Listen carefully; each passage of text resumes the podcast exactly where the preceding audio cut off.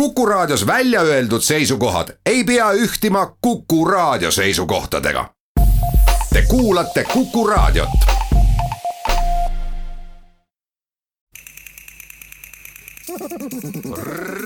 reisirada.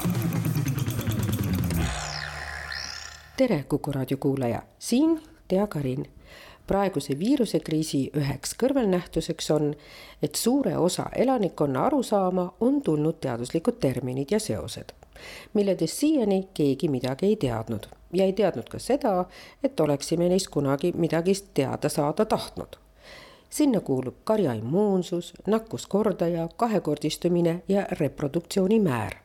sinna juurde ka veel arvud ja kurvid, millele me vaatame kõheduse ja lootusega oleme teada saanud, et viiruse levimise kontrolli all hoidmiseks on oluline ka antikehade testimine, millega tegelevad mitmed firmad üle maailma. kõigist ette on jõudnud Šveitsi kontsern Roche. juba maikuuks on nad lubanud tuua turule veretesti Covid-19 diagnostitseerimiseks ja on sellega praegu suure meedia tähelepanu all antikehade testimine on tähtis, et identifitseerida neid, kes viirusega juba nakatusid, aga kelle sümptomid jäid märkamatuks. seda ühe külje pealt. teise külje pealt on oluline teada, kas neil on tekkinud immuunsus. antikehade testimine on võtmefaktor selleks, et saaks otsustada piirangute leevendamise üle, mis pandeemia kontrolli alla saamiseks on kehtestatud tervitan teid saatesse Reisirada, kus läheme reisile ravimite maailma ja vaatame, kuidas on jõudnud meieni üldse täna nii enesestmõistetavana tunduvad abilised. kuidas üldse jõudis meieni näiteks nii laialdaselt kasutatav C-vitamiin. kui pikk on see tee, et meieni jõuaksid uued ravimid ja milline on nende väljatöötamine. räägime ka ühe väga erandliku firma ajaloost ja tegemistest. alustame oma vestlust Ülemiste linnaku ühes hoones uue kujunduse saanud ja väga kaunites tööruumides ja me kõik peame varuma kannatust, et sellesse uude tegevuspõhisesse kontorisse tööle tulla, selgitab firma Roche tegevjuht Kadri Mägi-Lehtsi siin on nii palju erinevaid võimalusi, et näiteks kui mul on telekonverents, siis ma saan minna jalutama nii-öelda lindi peale, kui mul on vaja tõesti vaikust, et keegi mind ei segaks, telefon, kolleegide kõned, siis ma lähen vaiksesse ruumi.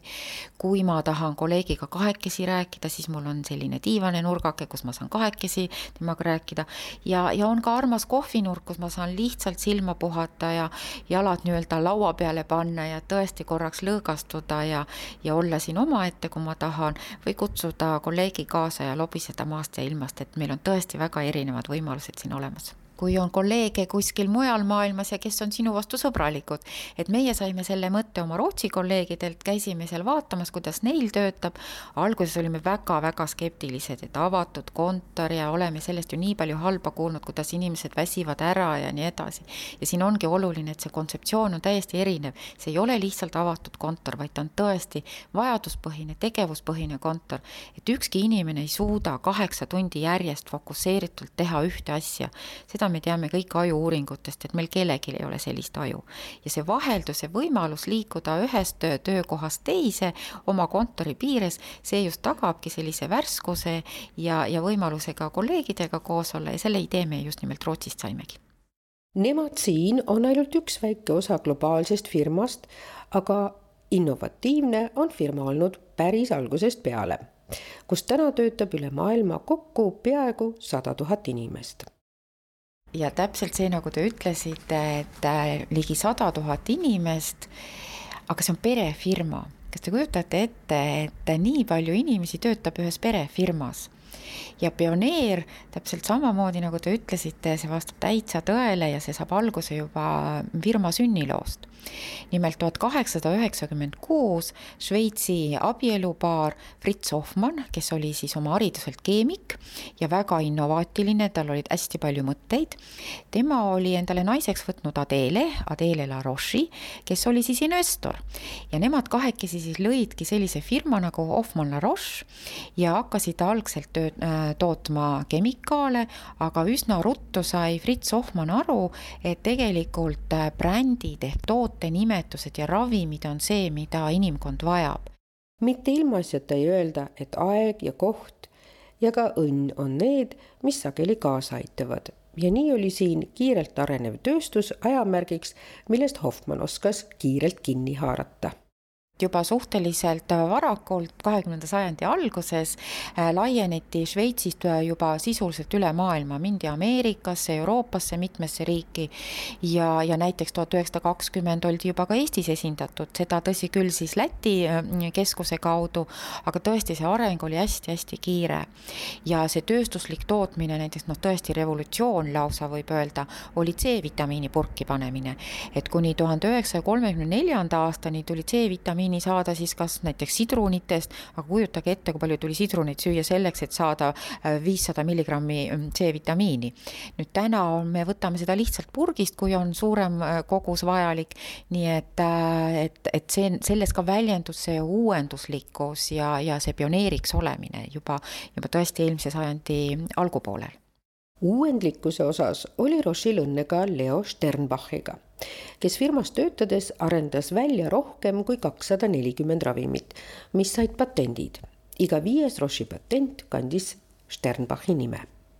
tema avastas ka bensodiatsepiini rahustava toime ja teda peetakse vaaliumi loojaks ning vaaliumist toimeainega diatsepam sai paljudeks aastateks kõige rohkem müüdud ravim maailmas kui Tallinnas räägib legend, et kibedate ravimite sissevõtmiseks loodi magus martsipan, siis ka siin tõi innovatiivsus jälle midagi uut ja esimesed ravimid olidki köhasiirupid, seal oli näiteks innovatsiooniks see, et lisaks kibedale toimeainele pandi sinna natukene sisse ka siirupit, et lastel oleks mõnusam võtta.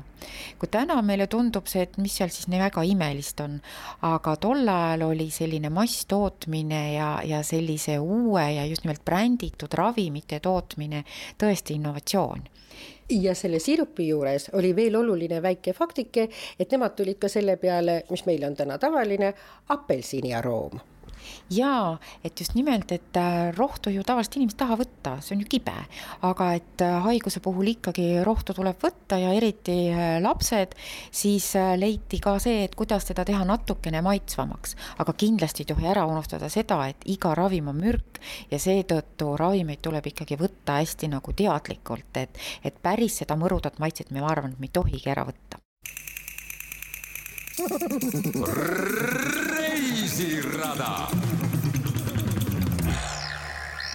et meil ravimi puhul tegelikult ka mürgiga tegemist on, sellele mõtleme harva. tõsiasi, mida tahtis inimeste teadvusesse tuua ka juba Paracelsus, Šveitsi arst, loodusuurija ja filosoof, kelle kodaniku nimeks oli Philippus Aureolus Theophrastus Bombastus von Hohenheim ja kelle eluajaks oli kuueteistkümnes sajand tema oli see, kes kutsus ravikunsti täielikult uuendama. Uuenduseks ravikunstis võib nimetada ka personaliseeritud meditsiini, millega Roche alustas juba viisteist, kakskümmend aastat tagasi meie nimetame seda nii-öelda personaliseeritud meditsiin äh, vol üks ehk siis nii-öelda esimene laine, kus siis tõesti äh, teatud testide alusel segmenteeritakse välja teatud hulk patsienti, kes siis äh, mingisugust ravimit vajab. no võib-olla kõige lihtsam näide on tuua näiteks rinnavähist. et on olemas kuskil seitseteist kuni kakskümmend protsenti haigetest, kellel on siis rinnavähil teatud geeni üleekspressioon, seda geeni on oluliselt rohkem ja nendele haigetele siis mõjub mõjub äh, üks väga kindel ravim, mis siis selle geeni nii-öelda ära blokeerib, et see kasvaja ei saa enam edasi kasvada. ja Roche'il on see ravim juba olemas äh, ligi kakskümmend aastat, nii et noh, tõesti selline esimene laine oli sellise suuremate patsiendigruppide äh, väljaselekteerimine teatud testide alusel. nüüd täna me oleme juba sellises maailmas, kus me võime öelda, et on personaliseeritud meditsiini teine laine, kus me vaatame näiteks samamoodi, ütleme, toome rinnavähi näite, kus sekveneeritakse ehk siis siis vaadatakse tervet seda kasvajaraku genoomi, mitte ainult üksikuid äh, geenipunkte, vaid tervet genoomi, saab vaadata, et millised geenid seal kasvajarakus on ja vastavalt sellele määrata siis täiesti selline personaalne, individuaalne ravi sellele konkreetsele patsiendile. et äh, see on juba nii-öelda järgmine tase personaliseeritud meditsiinist ja kui me nüüd räägime geenidest, siis äh, nagu ma aru sain, on seal teatud sarnasused Kanada ja Eesti tegutsemise vahel. ja no Kanada on meist veel juba natukene eespool, aga sarnasusi kindlasti on ja ma arvan, et siit me saame vaadata juba Eesti geenivaramu peale. et Eesti geenivaramu vaatab ju meie nii-öelda kaasasündinud geene, et millised riskid äh, meil on kaasasündinult, et äh, mis, mis geenidega me oleme siia ilma tulnud ja milliseid riske need geenid endas sisaldavad. nüüd äh, Roche Kanada on läinud kaugemale koos siis loomulikult mitte üksi, vaid koos sealse geenivaramu ja tervishoiusüsteemiga, et tõesti vaadata nii neid kaasasündinud geene, kui siis, kui inimene on juba haige, näiteks toome jälle selle rinnavähihaiguse näite, et siis vaadata, et millised geenid on sellel kasvajal ja panna need kaks asja kokku, et äh, kaasasündinud geenid ja haiguse geenid, et milline oleks siis sellele haigele siis korralik ravi, võib-olla siis ka mingi toitumise eripärad ja kõik sellised asjad, et see on juba tõesti täiesti indiviidipõhine lähenemine, nii et ma arvan, et noh, Eestis me võiksime sinna suunda minna aga kahjuks ma pean täna nagu ütlema, et me Eestis, meil ei ole veel väga levinud või tunnustatud see, et kui üks eraettevõte või üks ravimiettevõte teeks koostööd näiteks Haigekassaga või, või, või ka geenivaramuga, et kuidagi mul on see tunne selline, et, et ühiskond ei suhtu sellesse väga lahkelt, et pigem nagu kardetakse eh, või, või halvustatakse sellist nagu koostööd, et me ei ole veel nagu sinnamaale küpsenud, ma arvan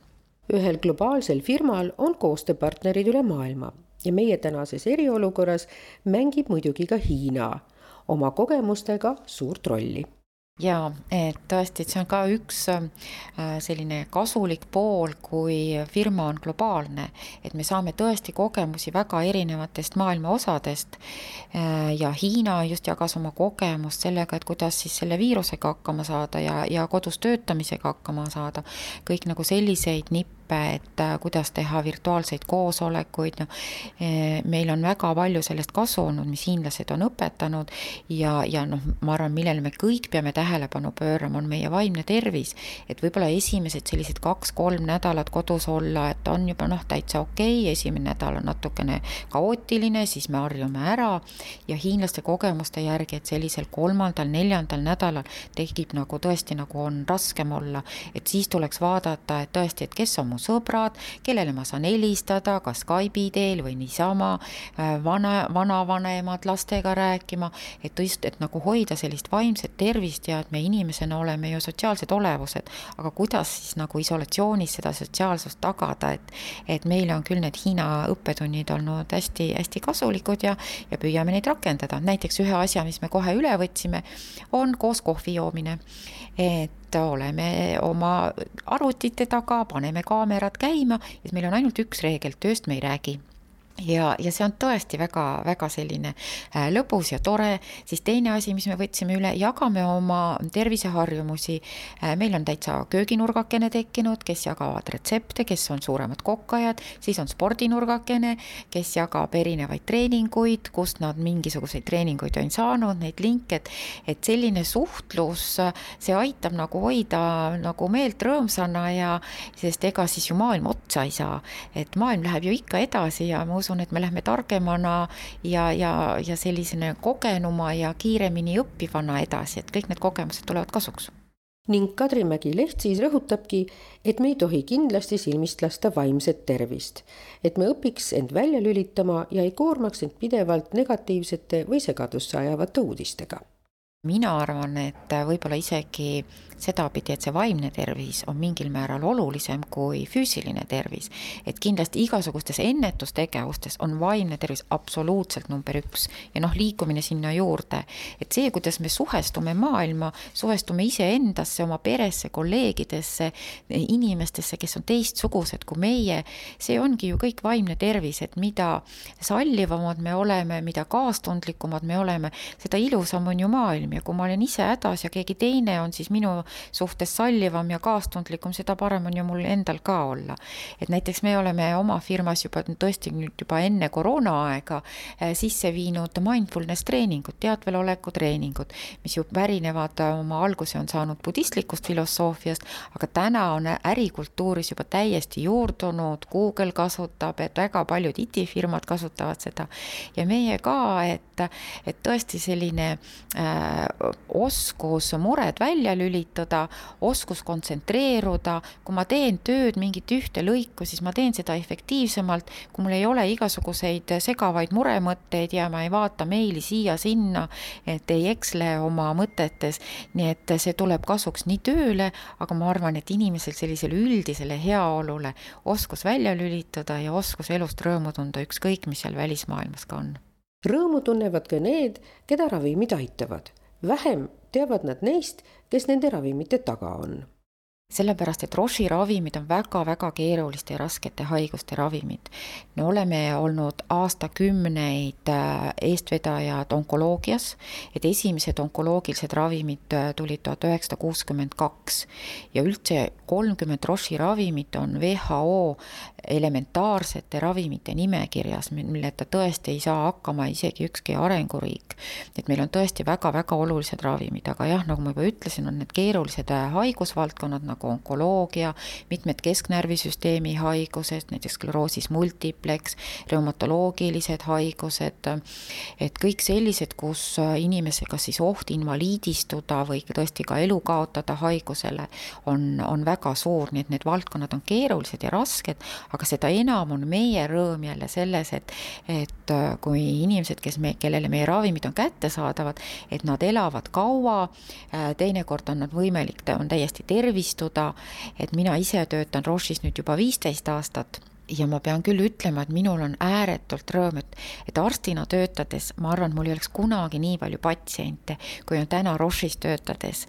et ma mäletan, kui veel siin tõesti viisteist aastat tagasi arvati, et, et vähkkasvaja on sisuliselt surmaotsus Äh, patsiendile, kui ta sellise diagnoosi saab, siis täna näiteks äh, palju räägitud juba see rinnavähihaigus, kui see varakult avastada, esiteks on võimalik teda välja ravida ja isegi kui hilja avastada, et haigus on juba levinud organismis, siis need haiged on sageli kui kroonilised haiged, et äh, samamoodi nagu võib-olla diabeetikud, vererõhuhaiged, et nad peavad tarvitama oma ravimeid selleks, et haigus olla kontrolli all, aga täiesti tavapärane on juba, et ka vähihaiged elavad kümme aastat ja enam, enam. nii et äh, mul on rõõm olnud selle elu juures ja, ja selle abi juures, mis meie oleme neile patsientidele saanud anda nüüd tuleb aga ulatada käsi selles ülemaailmses eriolukorras ka veidi teistsugusel viisil ja just eelmisel nädalal meie äh, firma kõige suurem juht ütles, et, et Iraani näiteks lähevad praegu Boeingute viisi äh, ravimeid, et noh, mul on endal seda on nagu raske ette kujutada, ühte suurt lennukit, kus on mitusada inimest tavaliselt, et need on ääretult täis ravimeid.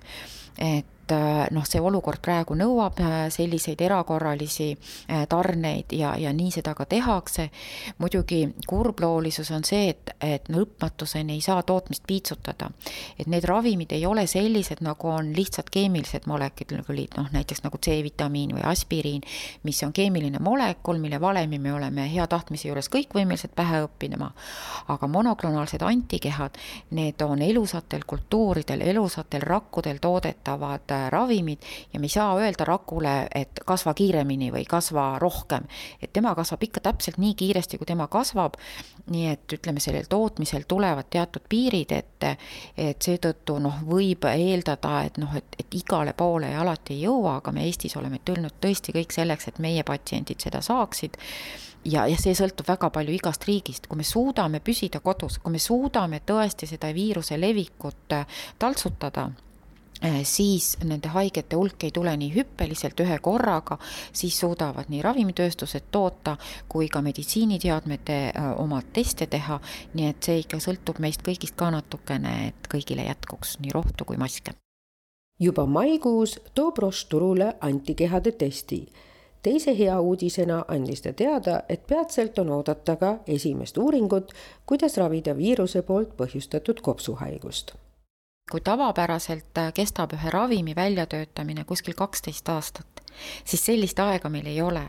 Äh, vaktsiini väljatöötamised, äh, ega nad suurt tavaliselt lühemad pole. kus täna toimub see äh, võidujooks ajaga, on tõesti juba need vaktsiinid ja need ravimid, mis on juba kunagi teadlaste laual olnud, nendega tehakse täna tööd. aga millise tulemuse me saame, me kunagi seda ei tea. et meie jaoks on suhteliselt tavapärane, et esimese faasi, teise faasi uuringud ei ärata mitte mingisugust tähelepanu, sest et nendest ligi pooltest ei saa kunagi ravimit ega vaktsiini. aga täna me oleme kõik ootel, et noh, tuleks ta ometi, aga aega ikka edasi ei keri selles mõttes, et me ei tohi seada ohtu nende uuringute kvaliteeti. et see, mis võib-olla hiirtel toimib, me peame ikka olema kindlad, et see on inimesele ohutu, eriti kui me räägime vaktsiinidest, kui me hakkame terveid inimesi vaktsineerima, et seal ei tekiks mingeid selliseid kõrvaltoimeid ja ootamatusi, et tagasilöök tuleb kuskilt mujalt. loomulikult sama kehtib ka ravimite osas nii et siin äh, mitmed ravimifirmad ja, ja ka vaktsiinitootjad kõik praegu töötavad ja võida, nagu jooksevad ajaga võidu, aga olles nagu siinpool piiri ja nagu ravimitööstuses juba pikka aega, et ma ennatlikult ei, ei rõõmustaks ja ei hüppaks enne, kui on tõesti teada ohutusandmed ja on teada, et tõesti need ravimid ja vaktsiinid äh, töötavad. Ja kuigi me kõik kannatamatult ootame, et ometi tuleks kergendus, siis tuletab Kadrimägi Lehtsi meelde, mis ajaloos juba juhtunud on võib-olla üks selline äh, ajaloost teada selline kurb asi on ju talidomiidi case kuuekümnendatel, et kus rasedatele anti rahustavat ravimit, aga ravimi toimel äh, tegelikult sündis hästi palju väärarenditega lapsi et selleks, sealt sai alguse kogu ravimitööstuse selline, kuidas ma ütlen, nagu nöörilepanek, et et peab olema tehtud korralikud ohutusuuringud. et kindlasti selliseid asju ei tohi enam mitte kunagi maailmas korduda, et seetõttu sellise nii vaktsiini kui ka ravimi ohutus tuleb eelkõige tagada ja, ja efektiivsus äh, tuleb siis sinna otsa, et loomulikult peab ravim töötama ka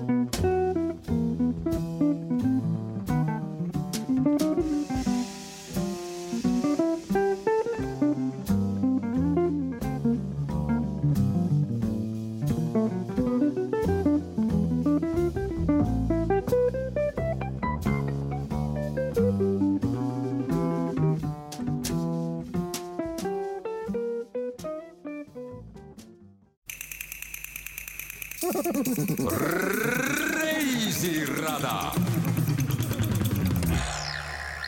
oluline on aga ka see, et firmade esindused kohapeal olemas on ja seda eriti keerulistes olukordades kui meil kohalikku esindust ei oleks, äh, siis need võitlused oleks võib-olla kuskil teisel tasandil ja me võib-olla ei oleks nii häälekad oma, oma peakontori suunas. nii et selle tõttu mul on küll hästi hea meel, et Roche on juba ammu otsustanud, et tõesti igas Euroopa Liidu liikmesriigis on Roche võrdselt esindatud ja ükski riik ei ole liiga väike selleks, et siin kohal olla kohalolek on oluline ka kohapealse koostöö külje pealt, eriti kriisiolukorras ning ka ravimite vajaduste väljaselgitamisel kui me räägime nagu sellest hetkest, kui ravimid on juba nii-öelda tootmisvalmis ja toodetud, äh, siis see töö näeb välja sedamoodi, et noh, me peame hindama seda Eesti vajadust ja noh, näiteks siin praeguses olukorras tõesti meil on tihe koostöö olnud Ravimiametiga ja ka Haigekassaga, et palju siis neid ravimeid vaja on äh, sellises eriolukorras.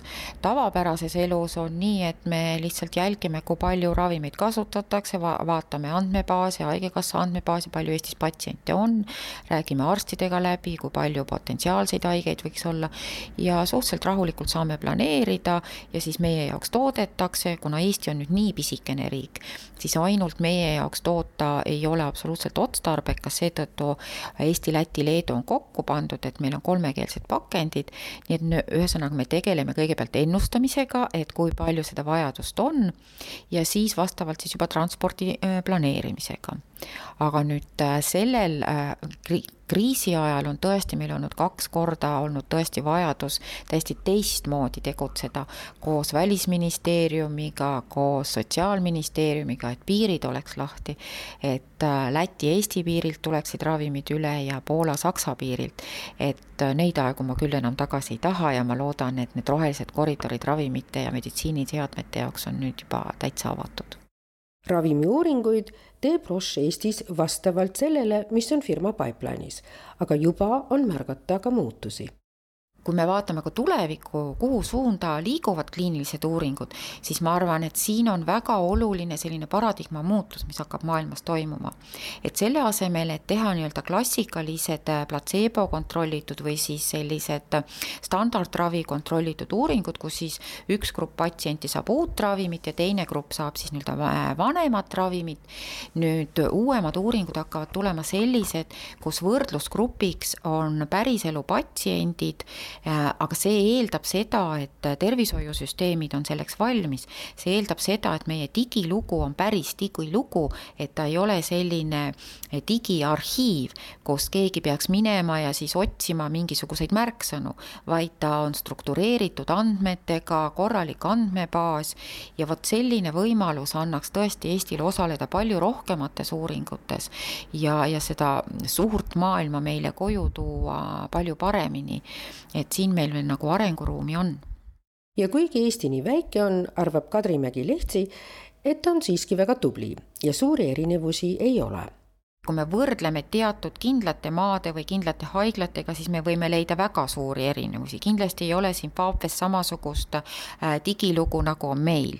ei ole geenivaramut äh, paljudes riikides. kui me aga võtleme selliseid progressiivsemaid riike ja suuremaid teaduskeskusi, siis meil on natukene veel nagu arengukohta just nimelt selles nagu digiarenduses ja selles digihaigusloos ja et äh, siin võib-olla, kui Eesti tõmbaks natuke kiiremini ennast järgi, siis me oleksime võib-olla maailmas natuke rohkem arvestatavad. ja kuidas on lood ravimitega ning prioriteetidega, uurin? Oleme jõudnud, ütleme selle ravimiportfelli osas äh, enam-vähem samale, äh, samale maale, kuigi meil ütleme, ravimid jõuavad meie haigeteni selline kolme-nelja-aastase äh, viipega. Ja seda eelnõu tõttu, selle tõttu, et noh, meie riigi ostuvõime on natukene madalam kui võib-olla seal Saksamaal, Itaalial. Ja seetõttu on nii Roche kui ka teised ravimifirmad, me oleme Haigekassaga koostöös leidnud erinevaid kulujagamise mooduseid, kuidas siis osa ravimikulu kulust äh, ravimitootja võtab enda kanda, et see natuke kiirendab seda protsessi. et võib-olla see on see erinevus, et jah, et meil tulevad need ravimid natukene hiljem nende võib-olla see kasutuspiirangud on natuke kitsamad, kui ütleme, ravimi näidustus on äh, sageli oluliselt laiem, siis Eestis Haigekassa võtab üle selle rahastuse, kus haigetel on kasu kõige suurem. ja noh, see tuleb jällegi sellest, et, et riigil on lihtsalt raha vähem ja kui me vaatame ka meie riigi prioriteete, olgem ausad, siis inimene ja tervishoid ei ole olnud siiani meie prioriteetideks. et ju ainult kuskil viis kuni kuus protsenti meie rahvastikust rahvastiku kogutoodangust on läinud tervishoidu, võrreldes Euroopa keskmisega, kus ta on üheksa, kümme, mõnedes riikides üksteist, kaksteist, nii et äh, siin noh, on nagu riigi tasandil ka, et kus meie prioriteedid on. Oluline on see nii majanduskasvu kui üldise ühiskonna kasu vaatenurgast rikkamad riigid on ju teinud sellise arvutuse, et tervem inimene, kui inimese tervena elatud eluiga on pikem, siis see kindlasti suurendab rahvastiku kogutoodangut. see on ju väga loogiline, et terve inimene käib rohkem tööl ja terve inimene teeb paremini tööd. kui eh, aga inimene on haige, tal on kroonilised haigused ja tema vaevad on suured, mida võib-olla annaks teatud ravimitega leevendada, aga me ei jõua neid ravimeid osta, siis on tegelikult ju bumerang, mis toob meile ju majandust majandusse samamoodi kahju, et on pikemad äh, töövõimetuslehed ja inimene, kui ta on tööl näiteks valudega, siis tema töövõimekus on ju madalam, efektiivsus on madalam. nii et äh, see, et me vaatame ainult otseseid kulusid tervishoius, mina arvan, et see ei ole õige, et peaks vaatama ka kaudseid kulusid. et on ju sellest küll ja küll räägitud, et kui näiteks äh, noh, läheme nüüd ravimisektorist välja, aga kui inimene on haige, tal on keegi hooldatav ja selle asemel, et käia tööl, peab inimene jääma oma ema või isaga koju või ka haige lapsega, ta ei saa tööl käia, ta peab olema hooldaja staatuses, et kui palju ühiskonnal võib-olla jääb kasu saamata sellest, et kõrgelt haritud, kõrgelt kvalifitseeritud inimene peab tegelema selliste asjadega, mis, mis võib-olla kellelegi teisele oleks palju, palju jõukohasemad. nii et siin tervishoiusektoris oleks nagu ruumi sisse vaadata küll. kindlasti ma ei taha olla kriitiline ühe ega teise suhtes, aga lihtsalt see selline laiem ühiskonnavaade, et mis meil on oluline, et majandus on kindlasti oluline, aga inimene ja tema hakkamasaamine on ka oluline. siin jõuame aga tagasi ravimi elutsüklis juurde inimesed, kes ravimeid vajavad, saavad täna valida nii originaalravimi, mis on tavaliselt veidi kallim, või geneerilise ehk koopia või hoopis biosimilari vahel see ongi ravimite erineva elukäigu, see on nii-öelda ravimite elutsükkel. et iga uus ravim tuleb alguses originaalravimina. et kaksteist aastat keskmiselt on see ravimi väljatöötamise tsükkel, siis ravim saab endale patendi ja siis järgmised kaheksa kuni kümme aastat on siis ravimi väljatöötajal õigus seda ravimit ainsana müüa. see ongi originaalravim. kui see patendiaeg saab läbi, siis võivad teised ravimitootjad hakata tootma sama toimeainet kui meil on tegemist keemiliste molekulidega, siis me räägime geneerilistest ravimitest ehk koopiaravimitest, toimeaine on sama, aga abiained võivad tabletis erineda. ja noh, see võib teinekord olla nagu oluline, kui me mõtleme, et näiteks toimeainet võib ühes tabletis olla näiteks üks milligramm. no kujutate ette ühte milligrammi, me ei näegi seda, et selleks, et me ikkagi näeks tabletti ja teaks teda suhu panna, peab seal olema terve hulk abiaineid ja need võivad siis erinevada tootjate põhiselt. ja täitsa eraldi grupp on veel siis bioloogiliselt sarnased ravimid ehk biosimilarid, need on siis sellised ravimid, mis toodetakse jällegi elusatel rakkudel, kui on nii-öelda biooriginaal, mis on siis äh, originaali või siis see innovatsiooniravimi välja töötatud, siis biosarnane ravim, biosimilar on siis teise tootja poolt samamoodi äh, elusatel rakkudel välja toode, äh, töötatud, aga kuna see on oluliselt keerulisem, selle tootmine, siis seal on ikkagi nõutud ka teatud kliinilised katsed ja me ei saa öelda, et ta on täiesti koopiaravim, ta on bioloogiliselt sarnane ravim. nüüd millise ravimi siis üks või teine haige valib, see jääb ikkagi tema otsustada ja siin mina küll nõu ei anna ja kui haigel on nõu vaja, siis ta peaks seda küsima oma arsti käest või siis ka apteekri käest. üheks oluliseks innovatiivseks paigaks on Bioloogia Instituut, mis on loodud Baselis ja mille põhjal on näha, kui keeruliseks ja põnevaks on ravimite maailm edasi arenedes tänaseks muutunud. monoklonaalsed antikehad kui mu mälu mind ei peta, siis tervelt kolm Nobeli preemia, preemiat on antud äh, erinevatele no, monoklonaalsete antikehade väljatöötajatele ja kõik need kolm äh, inimest on olnud seotud Roche'iga, nad on olnud Roche'i laborites tööl või siis Roche'i äh, bioloogia instituudis, mis siis loodi Baselis. et tõesti, monoklonaalne antikeha, mis on tänapäeval, ta on onkoloogias, reumatoloogias, need on väga keerulised molekulid, molekulid, nendest võiks kohe täitsa eraldi saate teha. Eh, seda ei ole võimalik kujutada kahetasapinnaliselt, sest nad on ruumilised.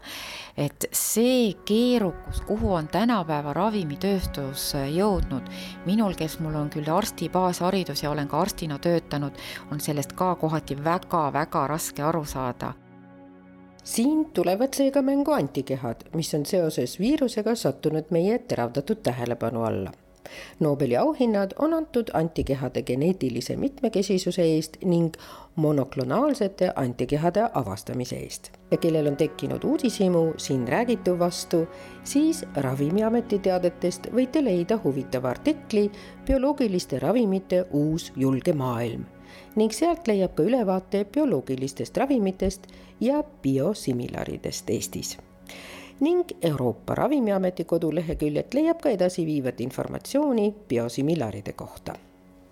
minu kui kunstiajaloolase huvi leidis üles ka Roche arhitektuuri Baselis, firma asukohas.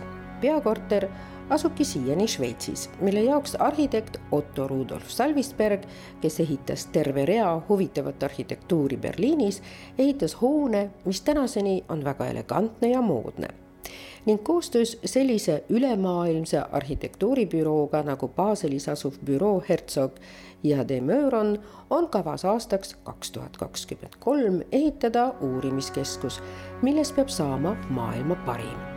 järjepidevuse eesmärgiks on projekti plaanitud ka recycle betoon ja katustele solaarseadmed veel enne aga aastal kaks tuhat kakskümmend kaks saab Šveits endale kõige kõrgema hoone kahesaja viie meetriga, mis asub samuti Baselis. kahe saates mainitud hea uudise kõrval, millega firma Roche on sellel nädalal olnud pidevalt meedia tähelepanu all, lisandub ka üks halb uudis. ja nimelt, et vaktsiini ei ole oodata enne kahe tuhande kahekümne esimese aasta lõppu kõik varasem on liialt ambitsioonikas, nii on firma Roche tegevjuhi arvamus. ja sellel on omad põhjused, nagu selgitas ka Kadri Mägi-Lehtsi oma ajalehe intervjuus üheksateistkümnendal aprillil. me ju ei tunne seda viirust, seetõttu ei tea me ka, mis ja miks tema mõju all sattunud inimestega juhtub. me ei tea, kui palju on viirusega kokku puutunuid ja neid, kellel ei ole haigussümptomeid, me ei tea, miks lapsed ei haigestu ja ka immuunsuse osas on ebaselgus. me ei tea, kas SARS-CoV-2 hakkab käituma nagu gripiviirus, et tuleb meie juurde igal aastal tagasi või saab temast gripiviiruse konkurent või hoopis moodustab temaga paari. ja filosoof Jürgen Habermas on selle kokku võtnud lausesse. nii palju teadmisi mitteteadmise kohta pole veel kunagi olnud. ehk teisiti, meil ei ole teadmisi aga selle eest on neid palju. uurimustööd aga käivad Austria instituudi AIHTA ehk Austrian Institute of Health Technology järgi töötatakse praegu saja viiekümne viie ravimi ja seitsmekümne üheksa vaktsiini osas üle terve maailma, et jagu saada Covid-19 viirusest. Enamus ravimitest omab juba kasutusluba teiste viraalsete infektsioonide puhul ja vajavad seega spetsiaalset tõendit, et neid tohib kasutada ka Covidi üheksateist puhul. vaktsiinidest ei ole aga ükski veel arengustaadiumist edasi jõudnud. ja ka siin jääb Eesti teiste maade peale lootma ma arvan, et Eesti-suguses riigis meil ei olegi üldse muud võimalust, et ma ei kujuta ette, et meil oleks selline ravimitööstus Eestis endal, mis äh, kataks kõiki meie vajadusi. et me paratamatult jäämegi sõltuma välismaa suurtest äh, korporatsioonidest loomulikult äh, peab Eesti äh, pidama nii-öelda ranget joont, et need korporatsioonid üle pea ei kasvaks, selles mõttes, et me saaksime ikkagi vajalikud ravimid ja väga õiglase hinnaga. Äh, aga tõepoolest, et ravimid tulevad meil erinevatest riikidest ja see globaliseerumine selles mõttes tuleb meile ainult kasuks saate lõpetuseks tahan ma ära tuua Liibanoni autori ja statistika, juhuste ja epistemoloogia uurija ning tänase börsimaakleri Nassim Nicolas Talebi musta luige teooria. mustaks luigeks nimetab ta ekstreemselt ebatõenäolist juhtumit, katastroofi, millega ei osatud arvestada, võib-olla isegi täiesti mõeldamatut sündmust, mis aga siiski juhtub. Taleb liigitab siia juhuslikkusega selle kohta, mida üldse ei otsitud, nagu ka näiteks antibakteriaalsete omadustega penitsilliini avastamine. saate tehnilise külje eest vastutas Veiko Rebane. saatejuht Jaak Arin soovib teile, olge terved ja lülituge vahetevahel koroonast välja. sest nii nagu Kadri Mägi-Lehtsi meie intervjuus juba mainis, ega maailm otsa ei lõppe nii on ka Norddeutsche Rundfungi algatatud aktsioonist Kultuur trotsib koroonat välja tulnud laul noorelt muusikult Max Proosalt, mille ta saatis videona oma vannitoast. Zusammenhalten, hoiame kokku seda laulu jagati nii ohtralt, et selle avastas Facebookist ka Augsburgi linnapolitsei, kes mängib seda linnaelanike julgustuseks. kuulame seda Max Proosa laulu saate lõpetuseks, mille julgustav põhisõnum ongi iga päev paistab päike ja ikkagi on kõik teistmoodi. igal öösel paistab kuu, aga see, mis siin all toimub, ei ole tema võimuses. me peame praegu kokku hoidma, rahulikud olema, aga siiski tuleb aeg ja me tantsime jälle.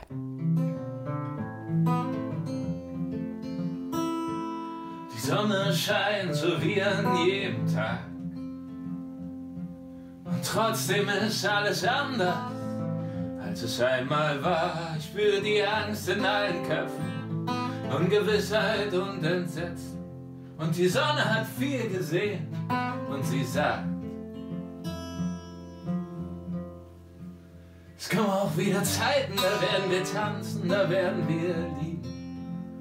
Es kommen wieder Zeiten, da werden wir uns für nichts auf der Welt verbiegen. Doch für diese Zeiten, in denen wir uns so wie wir sind, entfalten, müssen wir jetzt einmal zusammenhalten. Müssen wir jetzt still sein und zusammenhalten.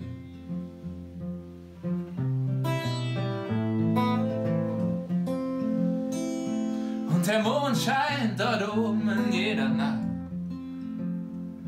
Doch was hier passiert, liegt nicht in seiner Macht scheint hinab in unsere Träume.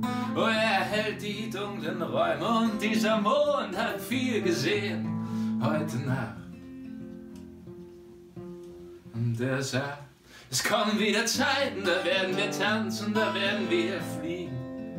Es kommen auch wieder Zeiten, da müssen wir uns für nichts auf der Welt verbiegen. Dafür diese Zeiten, in denen wir uns wie wir sind entfalten, müssen wir jetzt einmal zusammenhalten, müssen wir still sein und zusammenhalten.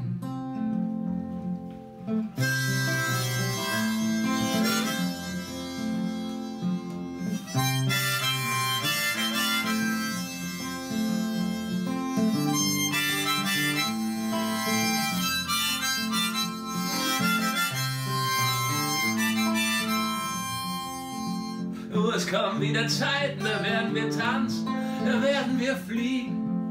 Es kommen wieder Zeiten, da müssen wir uns für nichts auf der Welt verbiegen. Dafür diese Zeiten, in denen wir uns wie wir sind entfalten, müssen wir jetzt einmal zusammenhalten. Müssen wir jetzt still sein, zusammenhalten, zusammenhalten, zusammenhalten.